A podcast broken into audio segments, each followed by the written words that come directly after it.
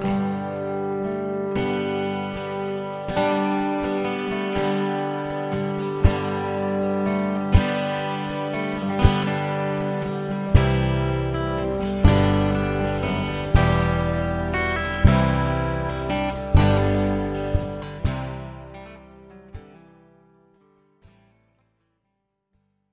Welkom bij uh, de volgende biologische podcast van uh, de Genetische Genealogie podcast. En in uh, deze aflevering gaan wij verder in op het DNA. En dan met name op de mutaties die plaatsvinden op het DNA.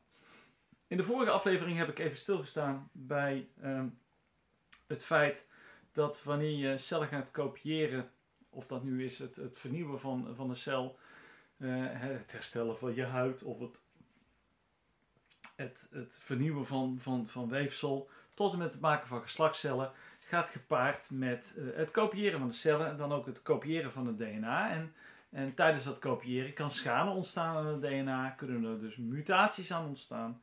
En, en dat uh, kan van invloed zijn op ja, de levensvatbaarheid van een organisme. En, en wanneer dat niet zo is, eh, kan die gewoon doorgegeven worden aan de volgende generaties. En kunnen we dat dus gebruiken voor de genetische genealogie.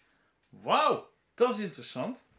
Maar uh, er zijn natuurlijk meer manieren waarop uh, mutaties aan het DNA kunnen ontstaan. En niet alleen uh, door het kopiëren van de cellen. We staan voortdurend bloot aan, aan, aan straling. Straling van de zon, straling van de aarde.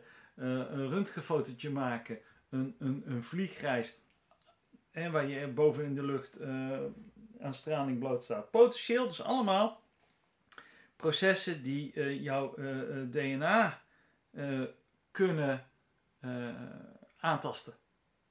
Nou, die veranderingen aan het DNA zijn niet alleen fundamenteel voor ons genetisch genealogie onderzoek, maar zijn ook fundamenteel voor de evolutie. Juist, wat heeft evolutie nou weer te maken met genetische genealogie? Nee, alles eigenlijk.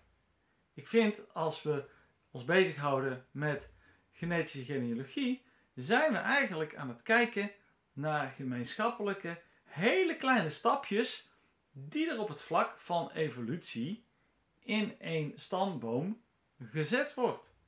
Hoezo dan? Wat is dan evolutie eigenlijk? Ja, evolutie is dat het leven zich aanpast aan de omstandigheden. Maar hoe past het leven zich aan aan de omstandigheden? Nou, door mutaties.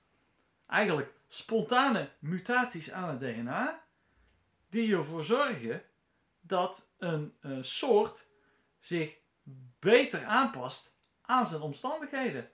Als je een groepje organismes hebt die, uh, als we bijvoorbeeld een, uh, we eens nemen, een, uh, we eens een virus nemen. Ja, leuk, een virus. Goh, welke zullen we doen?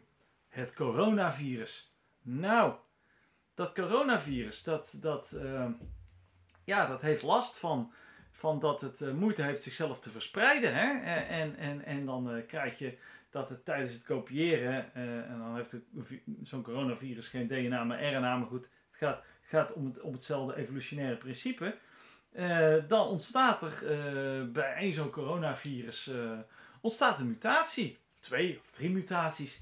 En die zorgen ervoor dat hij makkelijker in de buitenlucht in leven blijft.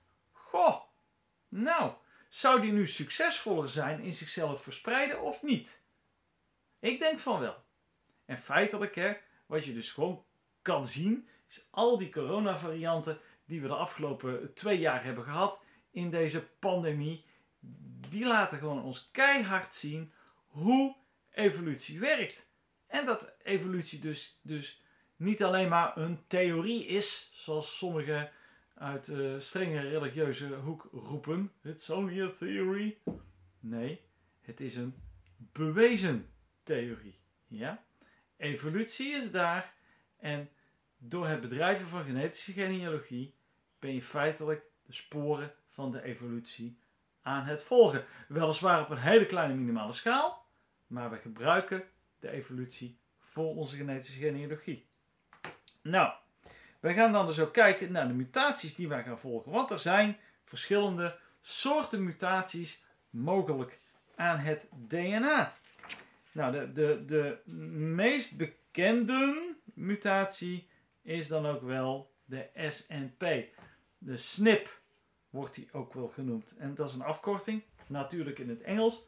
En die staat voor de Single Nucleotide Polymorphie. Dat betekent dus een mutatie op één plek in je DNA. Dus één A, C, T of G is veranderd in een ACT of G.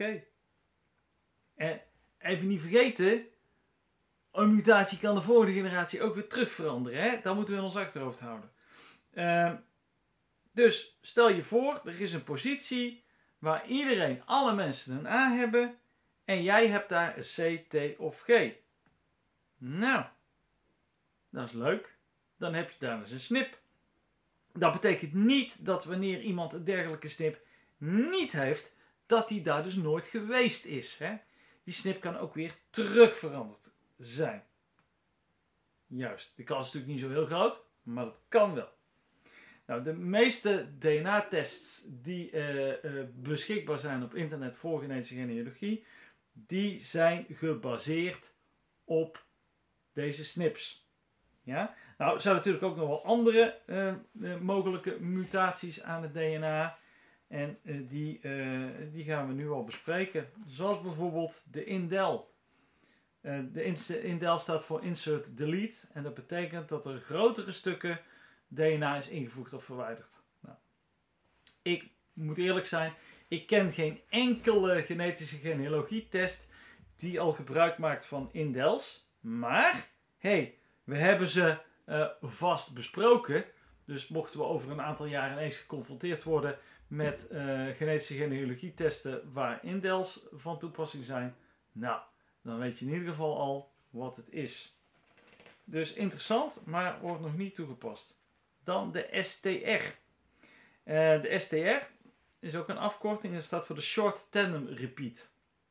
En dat betekent eigenlijk dat een kort stukje eh, DNA herhaald wordt. Juist.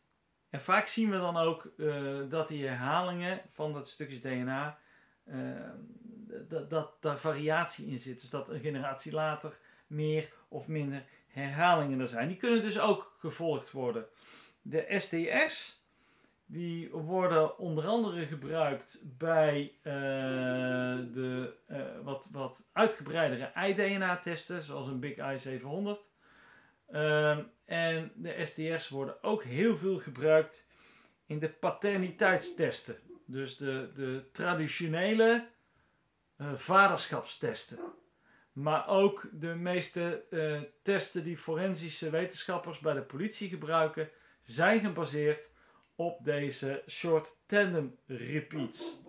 Ik ben niet zo'n heel groot fan van deze onderzoeken, omdat die short tandem repeats uh, panels, zoals ze dat noemen, ja, vaak maar heel beperkt zijn in omvang. dan wordt er gekeken naar uh, eh, 20 tot 30 short tandem repeats. En dat is een schijntje in vergelijking tot de, de uitgebreidere genetische genealogietesten waar we in een latere podcast bij uh, stil zullen staan.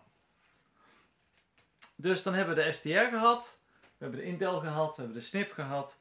Ja, dan hebben we nog een hele grote. Die zover eh, ik weet niet gebruikt wordt in, in genetische genealogie eh, testen. Dat is het gene copy number. Maar dan praat je echt over volledige genen die eh, herhaald worden. Dat is echt, echt heel fors.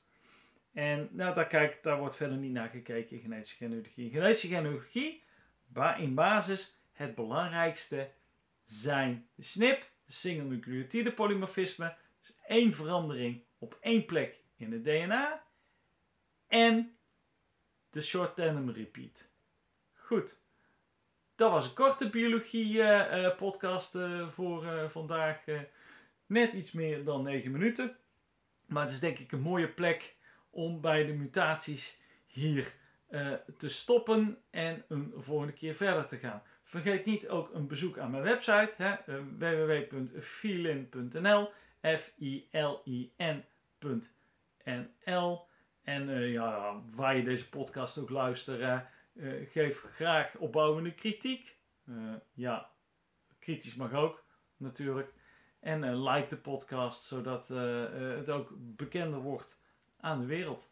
Dankjewel en tot de volgende keer. De muziek is gemaakt door Airtone en is vrijgegeven via een Creative Commons licentie.